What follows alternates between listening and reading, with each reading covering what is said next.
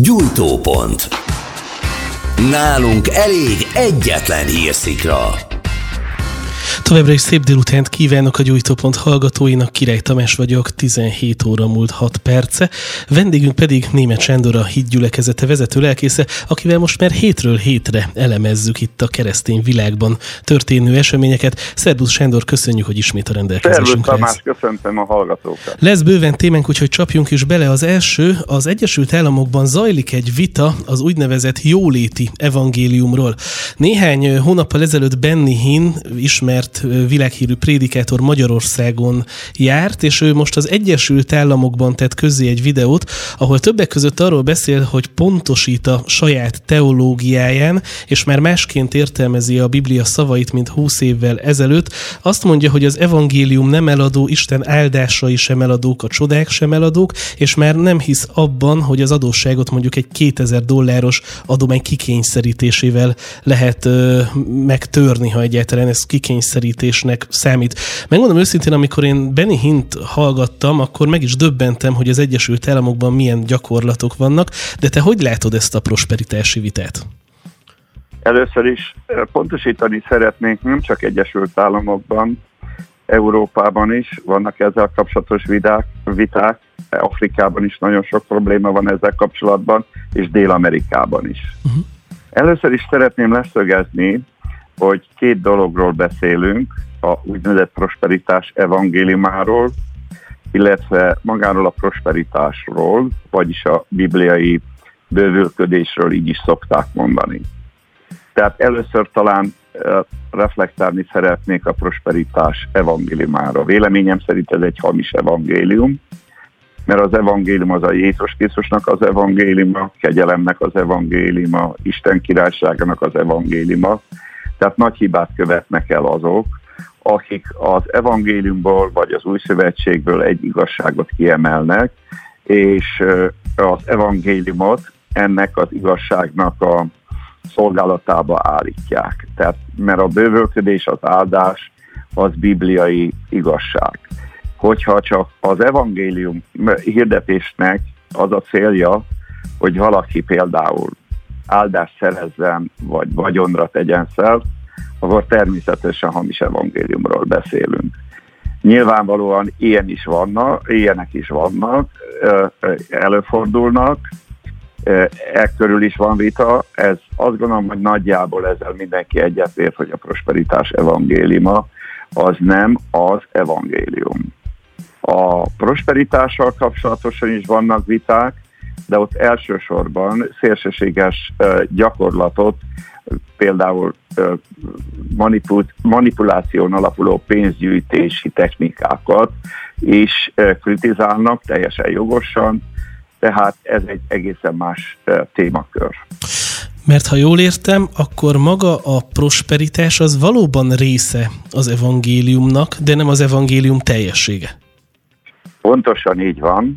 Tehát a názárti Jézus Krisztus kereszt munkájának egyik fontos aspektusa, mert ugye pontosan a názáreti Jézus, ahogy a kereszten függött, megfosztották őt a ruhától, mezitelen volt, és az egyik kulcs szó, ami elhagyta a száját a kereszten, az, hogy szomjazom.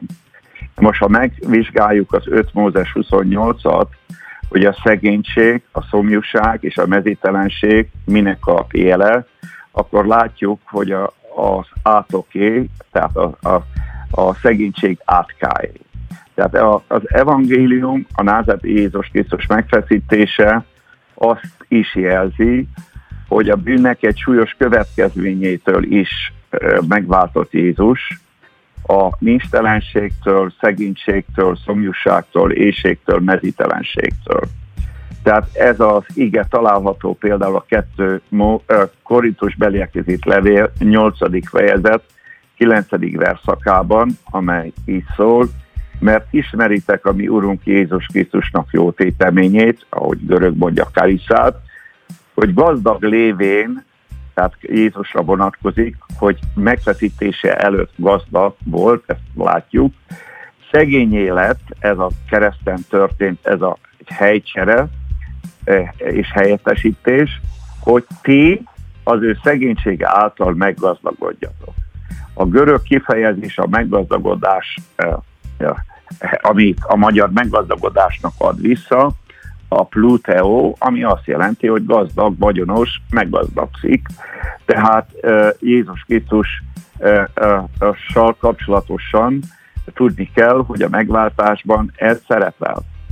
És a másik, amit szeretnek a keresztények, én is természetesen, hangsúlyozni, ami az pedig a 2 Korintus belérkezít levél 9. fejezetében található, a 8. verszak, hogy Isten hatalmas arra, hogy reátok árassza minden kegyelmét, hogy mindenben, tehát hangsúlyozni szeretném, hogy mindenben, és mindenkor teljes elégedettségetek lévén minden jó téteményre, itt is karisz szerepel, bőségben legyetek, vagy az eredeti kifejezés az, hogy legyen minden jó, minden jó téteményre feleslegetek. Tehát e, erre utalnak az ige hirdetők, amikor a názárti Jézus Krisztus megváltásának erre aspektusára utalnak, hogy Isten a, a hívőknek az anyagi, áld, a, anyagi életére, munkájára is áldást kíván helyezni, mert az az Isten akarata, hogy az emberek elégedettségre jussanak, tehát a fizikai, anyagi szükségeik is be legyenek töltve, sőt, a mondat második része tartalmazza, hogy legyen anyagi területen olyan feleslegük, ami a jó cselekedetre teszi őket alkalmassá. Tehát eh, ha valaki ebben jár, Isten igéje alapján jár. Ez természetesen ennek semmi köze nincs a visszaéléshez, ez egy igazságban való járás.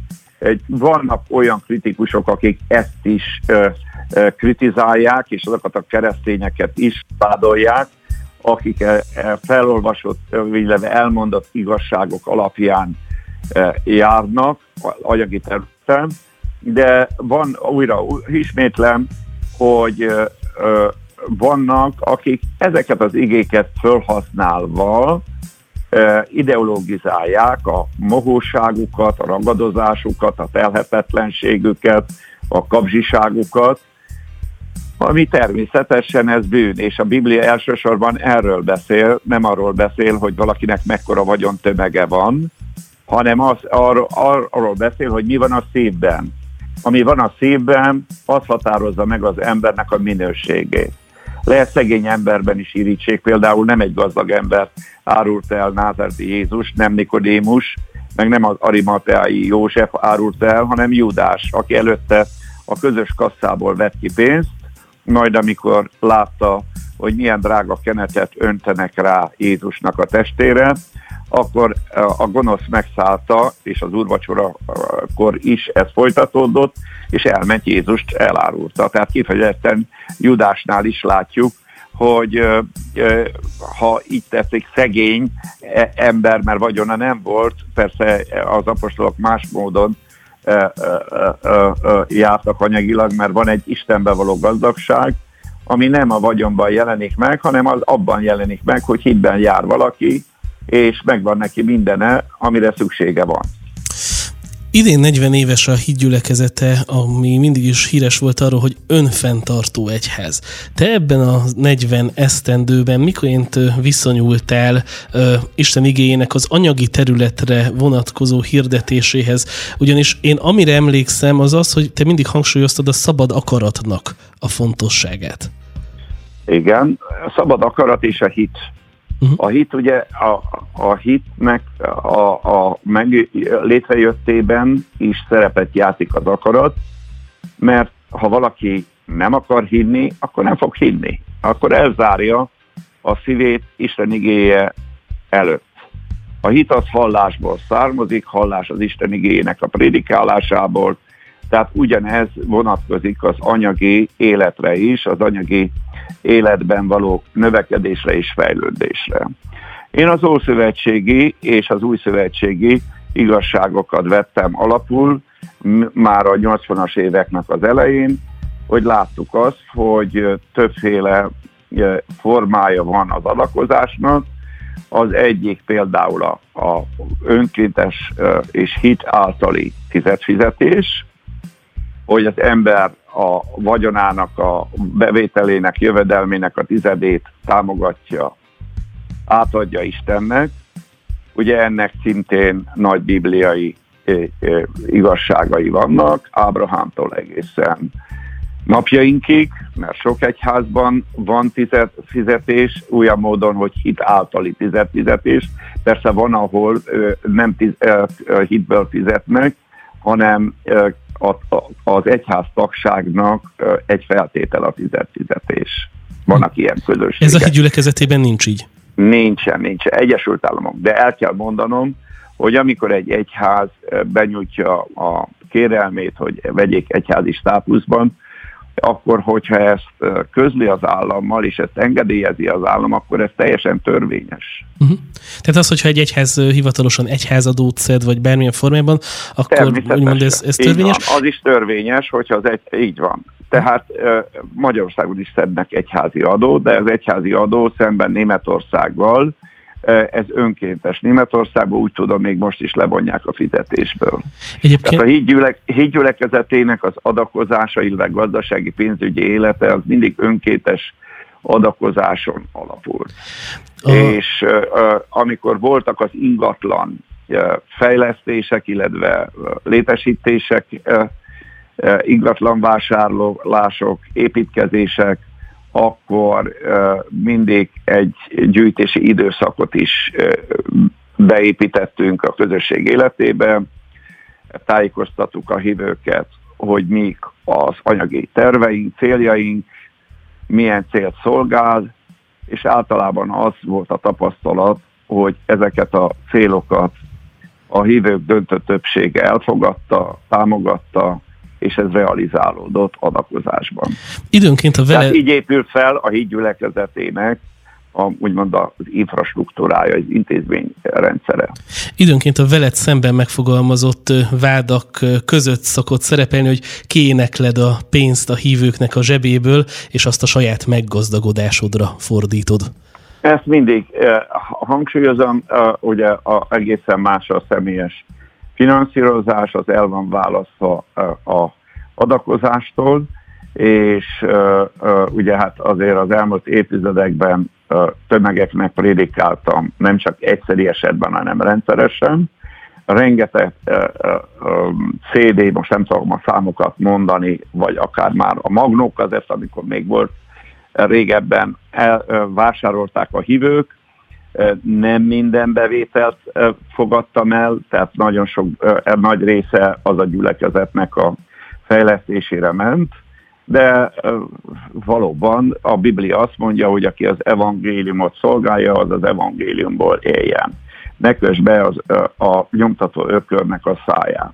Jézus is azt mondja, hogy ha elmentek egy városba, ne vigyetek vagyont, hanem amit elétek tesznek az emberek, azokat fogadjátok el. És amikor megvolt az úrvacsora, Jézus megkérdezte a tanítványokat, hogy amikor kiküldtelek benneteket, volt-e valamiben való fogyatkozásotok? Azt mondták a tanítványok, hogy nem.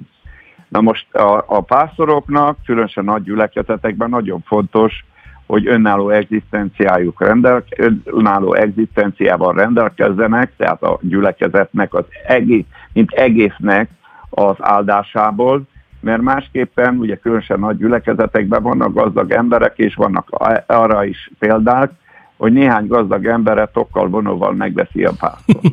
Ezt nálad nehezen tudnám elképzelni, mondjuk valaki megrendel egy Isten tiszteletet. Tehát nem könnyű, el kell, hogy mondjam. A másik rendszer pedig az, hogy az állam fizeti a pásztorokat és a lelkészeket, van ilyen is, de ugye legtöbb helyen, Nyugat-Európában is, Magyarországon is, illetve a evangéliumi keresztényeknél is, és a, talán a protestánsoknál is van, így van több helyen, hogy a, a közösség tartja el a lelkészt. Nyilvánvalóan minél nagyobb a közösség, minél prosperálóbb, növekedő, fejlődő a lelkészek és a pásztoroknak ez befolyásolja az életminőségét.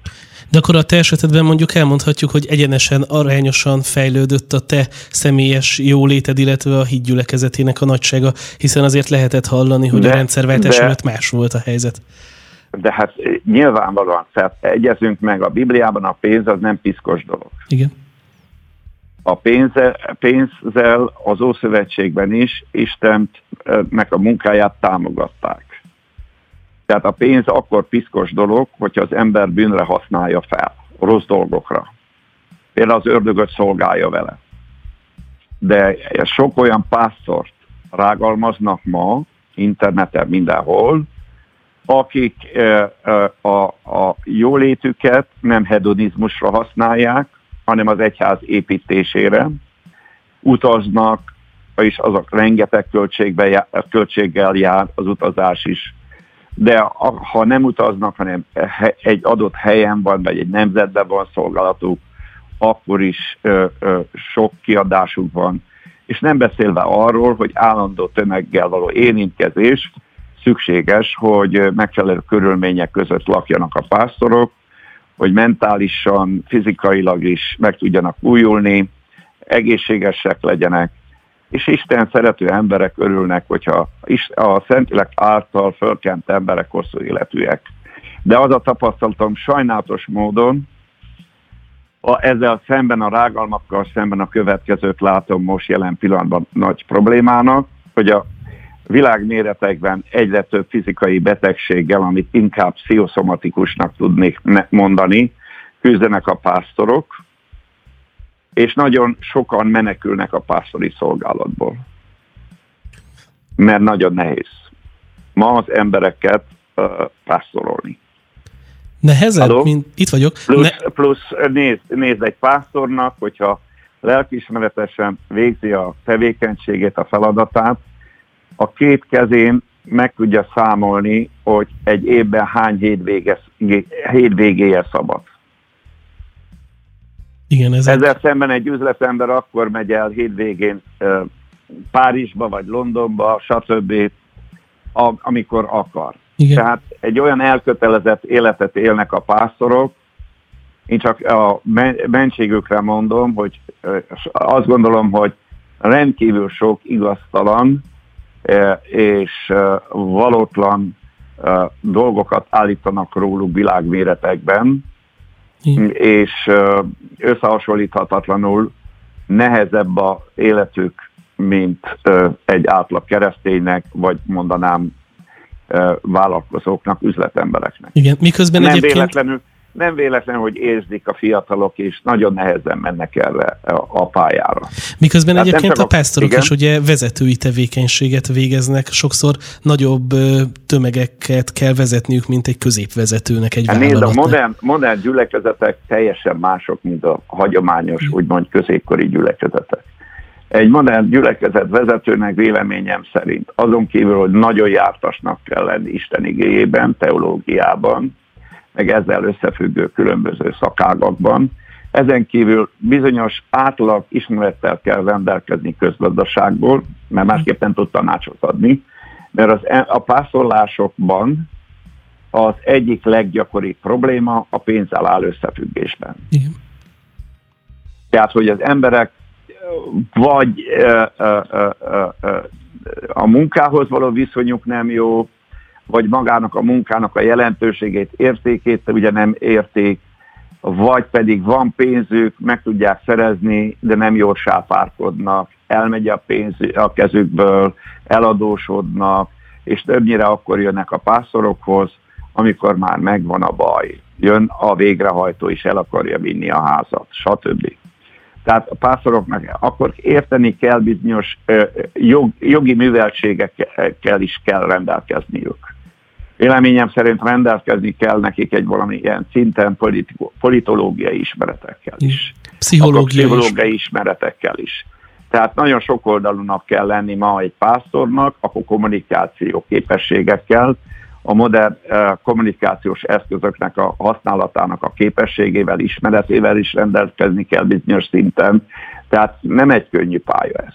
Igen. Arról mi a véleményed egyébként, amikor hívők, vagy nem is feltétlenül hívők, hanem rossz indulatú emberek mondjuk elkezdenek kutatni egyházi vezetőknek a zsebében? Lehetett látni, hogy az internetre például kitették a te házadat, meg egyéb ilyen érdekes hát, dolgok is nézd, Tudom, hogy kitették, két milliárdot tették. Hozzák, mond, el tudod érni őket, szóljál nekik, hogy hozzák a két milliárdot, azonnal odadom nekik a házat, egy milliárdot odadok a gyülekezetnek belőle, és egy milliárdot még a rózsadomba veszek magamnak egy szép házat. Igen, igen, érdekes dolgok ezek. A másik ilyen dolog, ugye te is említetted, hogy van olyan, amikor meg az állam finanszírozza a hitéleti tevékenységet. Tegyük már egy kicsit rendbe ezt a dolgot. Két érdekes hír is napvilágot látott az elmúlt hetekben. Az egyik, hogy készült egy táblázat, ami szerint arányosan személyre lebontva a legtöbb állami támogatást a hit gyülekezete kapta a bevett egyházak között. Talán akkor kezdjük ezzel.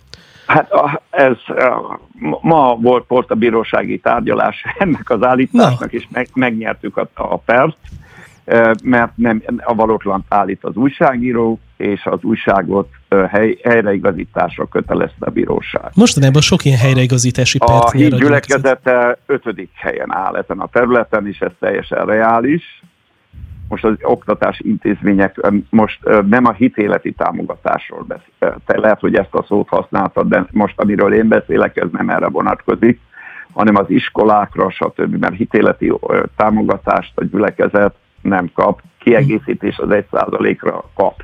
Igen, de Minden ez meg mindenkinek jár. Az mindenkinek jár, így van és létszámban a hídgyülekezete stabilan a negyedik legnagyobb egyház Magyarországon. Anyagi bevétel területén nem a negyedikek vagyunk, kicsit hátrébb vagyunk. Ez Tehát nyilván abból adódik, hogy több társadalmi rétegből ajánlják fel a gyülekezetnek a jövedelmüket, és mondjuk vannak közöttük kisma, meg diákok, meg még ki tudja, hogy... De hát igen, tehát a gyülekezetben nagyon sok a fiatal, nagyon sok a, a gyermek, a tinédzser, és nyilván azok nem adófizetők, tehát nyilván általában négyel, ha jól tudom, szokták megszorozni, hogy most az 44 vagy 43 ezer, 44 ezeren ajánlották fel az idén. Igen, körülbelül. Tehát, hogyha ezt négyel megszorozzuk, akkor hát 160 ezer közvetlen tagsága, vagy így hites van a gyülekezetnek, plusz még akkor a szimpatizánsi kör. Igen. Tehát, de viszont a számok azt mutatják, hogy a gyülekezetnek a, a sajnálatos módon, úgyhogy a jövőben többet kell tanítanom a bibliai prosperitásról, mert a minden ellenkező híreszteléssel szemben nincs annyi gazdag ember, mint például egyes kisebb létszámú, de nagyobb anyagi bevételre szertező közösségben. Igen, mert pedig... Nem irítségből mondom, mert ugye az irítség is része amiről beszélünk ennek a problémának, vádaskodásoknak. Ezért Isten ugye a legfontosabbnak tartja, hogy a szívben ne legyen irítség sem, mert az, ha irítség, ugye az mindig azt jelenti, hogy valakinek általában a szükségben lévő személyeknek a motivációját befolyásolja a áldottak vagy a gazdagok felé, és többnyire ellenséges magatartást hoz létre, bennük a jómódú gazdag személyek iránt, vagy jómódú gazdag gyülekezetek iránt.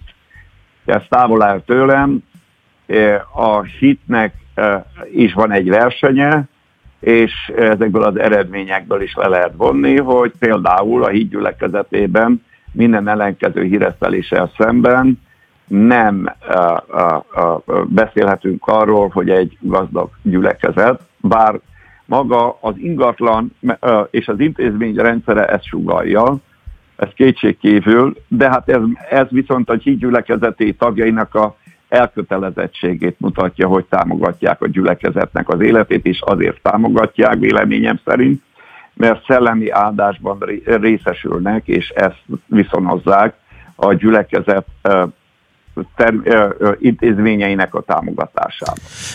Mi a véleményed azokról az esetleges szélsőséges esetekről, aki mondjuk tényleg a lakására szánt pénzét adja oda a hídgyülekezetének? Ugye az interneten ilyeneket is lehet olvasni, hogy valaki azért ezek, lakik ezek még legendák, legendák, uh-huh. szeretném megmondani, ezt mindig is elleneztük. Előfordult, hogy egy, egy vagy kettő vidéki gyülekezetben ilyen megtörtént, e, de igyekeztünk kárpótolni az illetőket, de ezek olyan egyedi esetek, amit e, e, után mindig vizsgálatot indítottunk el, ez egyszerűen mese, tehát ezek legendák. Semmi valóságos alapja nincs a híd gyülekezetében. Tehát senkinek, senkitől nem várod el, hogy lakás helyett... Ugyan már, sőt, Sőt, ugye hát van egy alapelv az adakozással kapcsolatosan, tehát nem lehet az embernek erő felett adnia. Tehát olyan módon, hogy saját magát e, e, katasztrofális vagy nehéz helyzetbe hozza, olyan, olyan ne tegyen. Ez egy fontos mondat.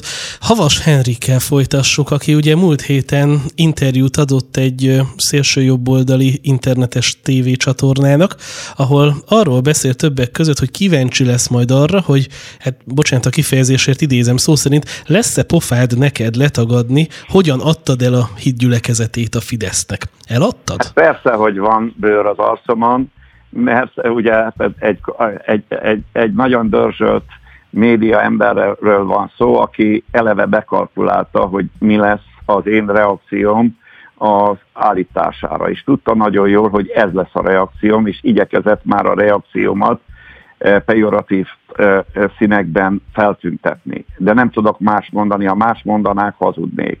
Semmiféle eladásról nincs szó, a Fidesz nem vásárolta meg a híd gyülekezetét, ahogy egy eh, közösségi oldalra kitettem hogy a híd gyülekezetének eh, már van gazdája, a názeti Jézus, aki megvásárolt bennünket eh, a saját vérével, nincs már, nem hagyott más opciót. És mi ennek nagyon örülünk, hogy eh, az Úrnak a tulajdonába állunk. Tehát akkor az az állítás, mi szerint azért kapta a Szent Pál Akadémia és a hídgyülekezete összesen azt a 758 millió forintnyi intézményi támogatást, mert Havas Henrik ki lett rúgva az ATV-től. Nevetség, nevetséges, figyelj ide. A, egy ilyen, tehát az akadémia könyvtárának az építéséhez benyújtott kérelmek, meg hogy szeretnénk, hogy ezt a, a ingatlannak, illetve építménynek a, a támogatásához, felépítéséhez kapjunk állami támogatást, ez a bürokrácián hosszú időn keresztül megy. Tehát ez, ez, ez egy elnézést. Nem akarok jelzőt mondani, hogy ez milyen feltételezés.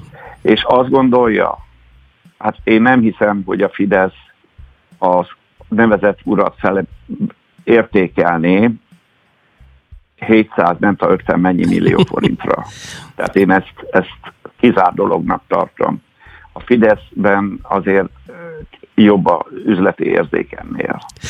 Tehát 30 ezüst 30, nem tudom átszámítani most, hogy mennyi lehetett régen a Jézusára 30 ezüst. Hát nyilvánvalóan ez arról árulkodik, hogy a Havas úrnak az önbizalma, az identitása, hát azért még eléggé duzzad, és az erőtől, és ez rendben is van, mert valóban egy nagyon fontos szereplője volt, ami fontos szereplője a magyar közéletnek, magyar médiának, de higgye el, a Fidesz nem ad ennyit. Ő érette se, én érettem se, egyikünk sért se adna nem volt ennek tétje. Ez az ő konfliktusa nem a hídgyülekezetével volt, meg van. Az ATV-nél meg, nem hosszabbították meg a munkaszerződését, tehát teljesen más ö, ö, alapokon ment, és környe, körülmények között ment ennek a ügynek, a, a, vagy a, a kapcsolatuknak a végkifejlete.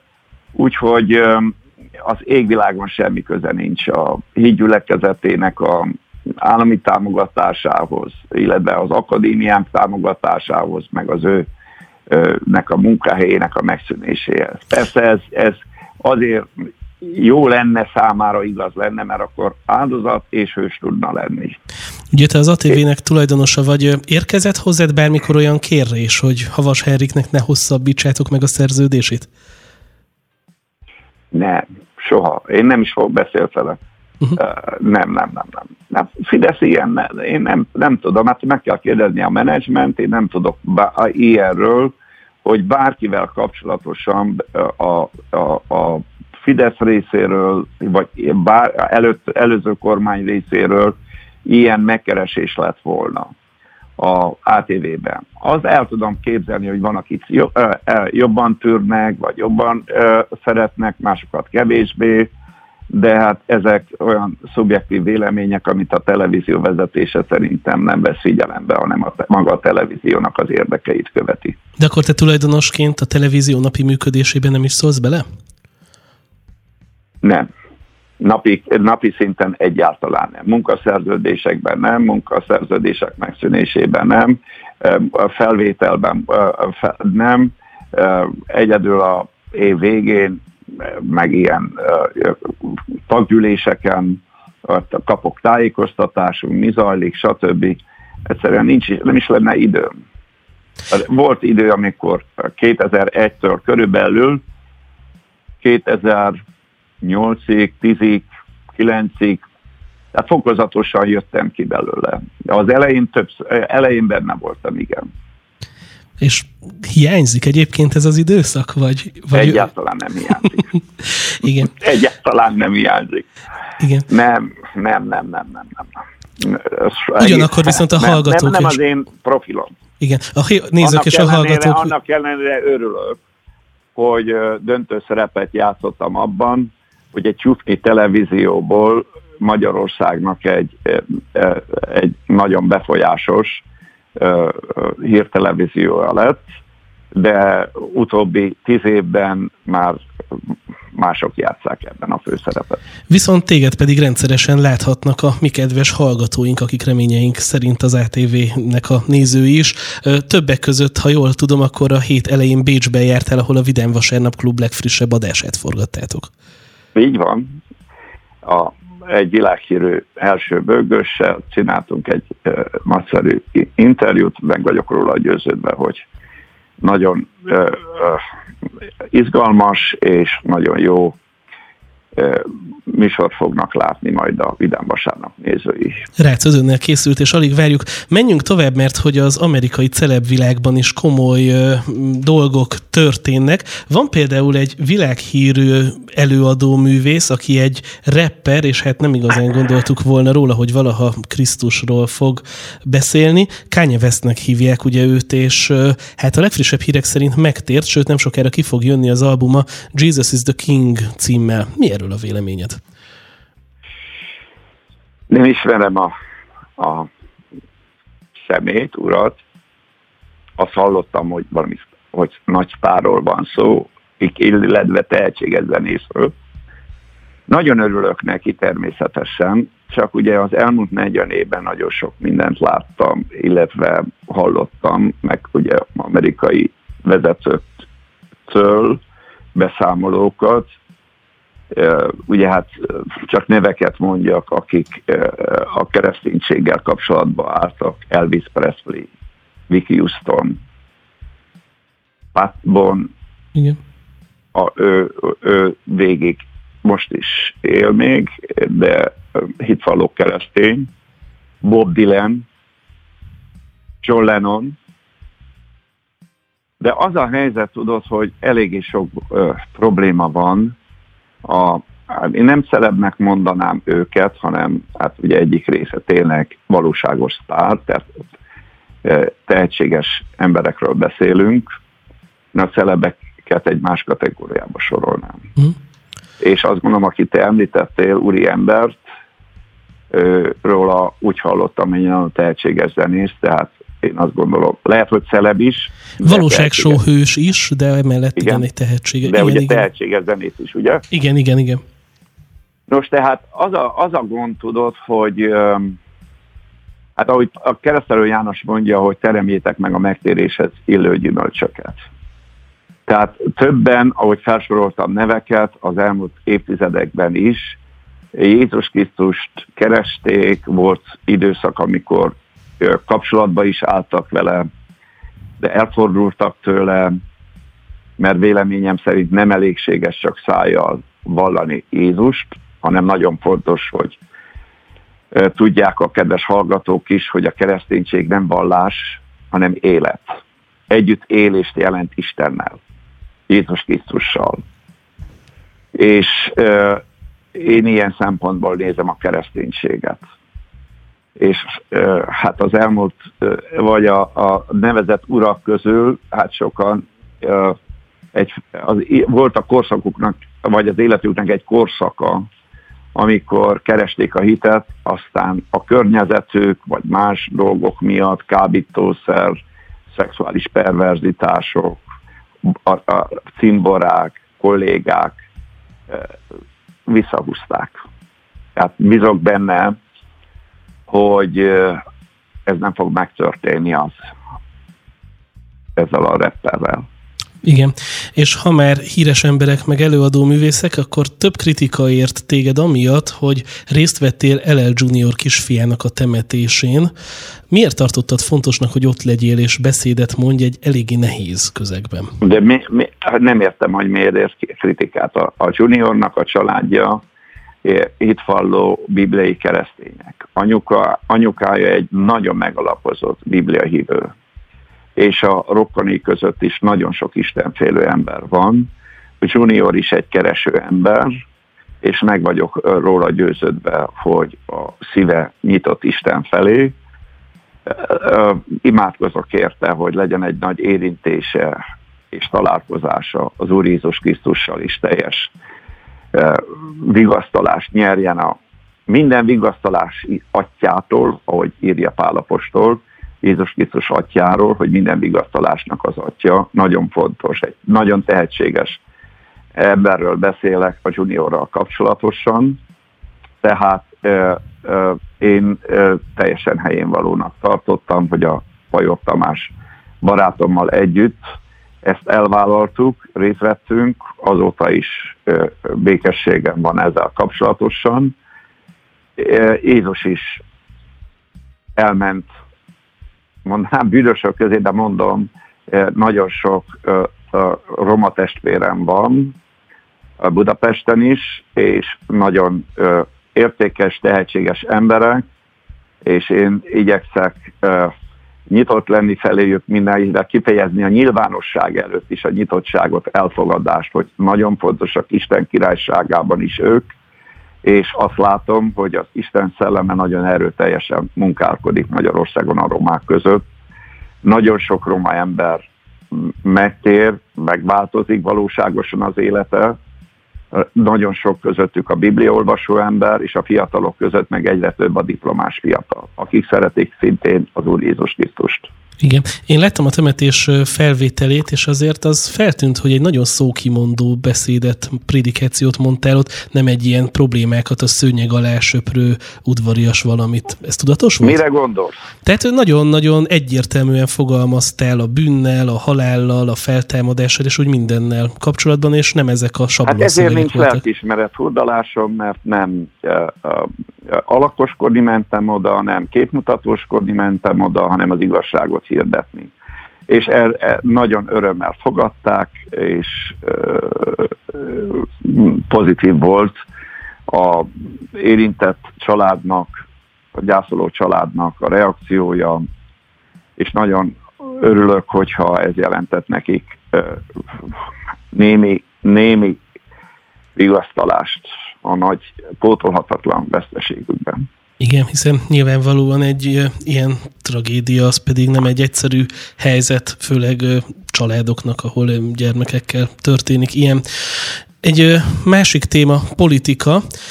Volt a hétvégén egy olyan rendezvény, aminek a kapcsán 600 gyermek imádkozott a parlamentben a mindenkori kormányzatért, az országért és egyebek.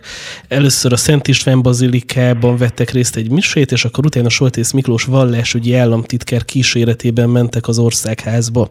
És ennek kapcsán Gyurcsány Ferenc egykori miniszterelnök azt mondta, hogy ez blaszfémia, Isten káromlás.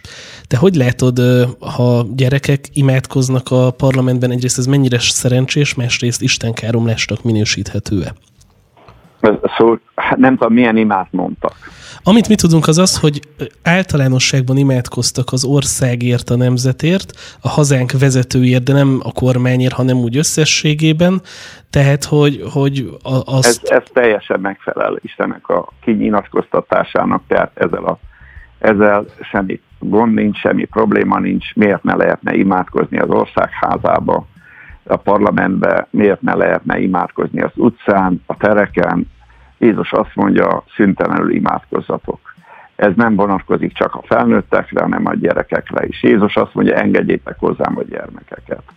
Tehát uh, nyilván, hogyha gyerekekre rá van erőszakolva a kereszténység, az nem jó dolog. De fe, nem tudom, hogy lehet, hogy valószínűleg, ahogy milyen iskola Ez a pápai missziós művek szent gyermekség műve. Tehát hát valószínűleg hát vallásos fiatalok. hogy egyházi iskola Igen. volt, hát az egyházi iskolában a szülő a, a, oda járják a gyereküket, illetve a gyerekek oda mennek, most köztudott, hogy az egyházi iskolában vannak imák, és nem feltétlenül csak a osztályteremben, vagy a templomban, vagy a gyülekezeti házban lehet imádkozni, hanem mindenhol, nyári táborokban, vizen, levegőben, szárazföldön, minden, minden helyen segítségül lehet hívni az Úrnak a nevét. A Biblia ezt, ezt propagálja. Igen. A, ugye Gyurcsány Ferenc azt is mondta, hogy a hit az magánügy. Ezzel te hogy vagy ezzel a kérdéssel? Hát nem magánügy a hit, nem magánügy a hit természetesen. Mond, ő szereti ilyeneket mondani, de a hit az egy közügy, a hit az, az egyik legfontosabb és legértékesebb emberi magatartás, és természetesen sokféle hit van.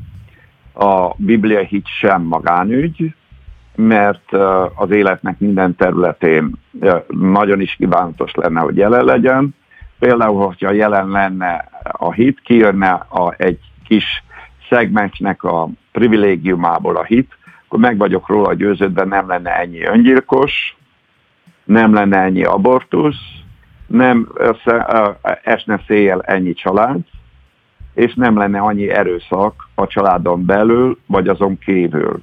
És meg vagyok róla győződve, hogy a közerkölcs, közrend, de se lenne annyi gond, annyi probléma, mint uh, uh, úgy általában és meg vagyok róla győződve, akkor a gyűlölködése lenne, mint most jelenleg van a magyar közéletben. Tehát akkor elmondhatjuk, hogy a hit az tulajdonképpen közügy. És... Mert mi a hit? Mi a hit? Vissza kellene kérdezni, hogy a politikustól, hogy egyáltalán tudja definiálni, hogy mi az, hogy hit. Mert tudom, hogyha, hogy némely most nem biztos, hogy ő így gondolja, de némely marxista azt gondolja, hogy a hit az egy ilyen szubjektív valami, amit az ember kreál a lelkében. A, a bibliai hit nem. A bibliai hit az válasz olyan tényekre, amelyben benne van Istennek a kijelentése, igazsága, ereje és hatalma. Úgy is mondjuk, hogy ősztörténeti tények, tehát tényeken alapul. Pál úgy is mondja kicsit elvont módon, hogy nem látott dolgokról való meggyőződés. De a nem látott dolgok azok valóságosak a Biblia alapján, amit Isten igéje jelent ki, és erre adott válasz a hit. Vagy másképpen úgy is mondják a hitet, hogy amit Isten mond, az ő beszéde, de rábízza az ember magát. Az egy bizalom, hogy az ember a, a, a létezésének a súlypontját magán kívül helyezi az Istennek a beszédével. A régi protestáns kifejezése, hogy két lábbal rááll Isten igényére, vagy Isten ígéretére. Vagy ahogy Mária mondja, hogy legyen nekem a te, a, a te beszéded szerint. Tehát ez egy bizalmat jelent, hogy az ember nem, nem maga akarja a sorsát irányítani, hanem az, a, az Isten igéje, Isten beszédére bízza magát, hogy az irányítsa a sorsát. Isten legyen a vezetőm. Igen. Tehát ez a hit, és ez nem, közü, ez nem magánügy. Igen, egyébként nagyon érdekesek a politikai megközelítések, mert Gyurcsány Ferenc ugyanebben az interjúban azt mondja, hogy ennek az országnak a bajait nem imádsággal kell megoldani, hanem jó kormányzással. Ugye ezzel párhuzamosan Kászsler hát Mikló... egy tipikus materialista, materialista előítéle, amely abból indul ki, hogy ez csak a látható világ létezik, és azon kívül a látható világot is anyagi lényegűnek tartja, de ideje meg, megérteni a, a, a Gyurcsány úrnak, hogy a, a mostani föld lakosságának döntő többsége nem így gondolkodik. Igen. Ugye... Tehát most is a, lakos, a, a föld lakossága a zöme, még a látható világról is azt gondolja, hogy ennek a tömege ugyanaz anyag, de a lényege a spirit. Igen, mint ahogy a rádiónkat is hívják. Ugye ezzel párhuzamosan a Kásler Miklós emberi erőforrás miniszter meg a közegészségügyet rendszeresen összekapcsolja a tíz parancsolat betartásával. Ez helytálló megközelítés? Hát nézd, az orvos elsősorban az a feladata, hogy tudományos alapon gyógyítsa az embereket. A hit embereinek meg az a dolga, hogy az Isten gyógyító szavát prédikálja, hirdesse, és Jézus Krisztus, mint mesiás gyógyítóként is eh, prédikálja, és ahogyha kap erre vonatkozóan Istentől fölkenetés, küldetést, akkor imádkozzon is azért, hogy az emberek meggyógyuljanak. De nyilvánvalóan a kórházban az várják a betegek, hogy eh, tudományos módon történjen meg a, a, a terápiájuk, gyógykezelésük. Tehát a kettő között kétségkívül van különbség, de van összefüggés is, és ebben igaza van a miniszter úrnak, hogy nagyon sok betegséget meg lehet előzni, azáltal, hogy az ember Isten igéjét vagy Istennek a törvényét követi. Hát a leg, nagyon sok betegség életmód. Valaki például sok viszkit iszik, alkoholt iszik, annak, vagy sok cigarettát elszív, lánydohányos, abból természetesen előbb-utóbb jelentkeznek fizikai problémák. Igen, és hogyha már hit, akkor nem szabad elfelejtenünk, hogy a hitgyülekezete pedig rendszeresen hívja azokat, akik keresik Istent. Most például szombaton, azaz holnap 17 órakor ismét Isten tisztelet lesz a hitparkban. Kialakult már, hogy mi lesz a holnapi üzenet, vagy ez még meglepetés? Formálódik bennem, nyilvánvalóan a szellemem, mert most nagyon leköti, mindig a inspirációra, ihletre figyelek, nagyon leköti a feltámadás, illetve a, a jövő eseményei. Részben összefüggésben van, hogy ugye hétfőtől, illetve hétfő estétől a zsidó számítás szerint, naptár szerint kezdődik az új év, illetve az őszi ünnepek, és az őszi ünnepek az jelképe az Úr napjának. És az Úr napja az, és a harag napja, azok nagyon fontos üzenetek a keresztények számára, mert egyrészt ö, ö, a reménységnek is egy nagyon fontos pillérét képezi, akár a függőleges irányban, akár viszintes irányban, másrészt pedig a helyes életvezetéshez is nagyon sok inspirációt, hitet és olyan információt ad, ami felkészíti a hívőket, hogy bizonyos nehéz szituációkban helyes, Isten akaratával összhangban álló választás, döntéseket hozzanak az életükben. Mert minden választásnak, döntésnek következményei vannak, sok esetben, ha rosszul döntenek, negatív, és sok esetben determinálja a sorsot, és ezért nagyon fontos, hogy a választást motiváljuk ma Istennek a beszédével, hogy az emberek olyan döntéseket hozzanak, hogy ne kelljen nekik 5 év múlva, vagy 10 év múlva, vagy 15 év múlva azt mondani, amit a Salamon mond, hogy ezek a napok, amit nem szeretek. Akik tehát bővebben is szeretnék hallani ezt az üzenetet, akkor holnap, azaz szombaton 17 órakor élőben is hallhatják a hídgyülekezete Isten tiszteletén, többek között német Sándort, a hídgyülekezete vezető lelkészét. Kedves Sándor, nagyon szépen köszönjük, hogy a rendelkezésünkre állt el, izgalmas óra Köszönöm volt. szépen, viszont hallásra, szervusz!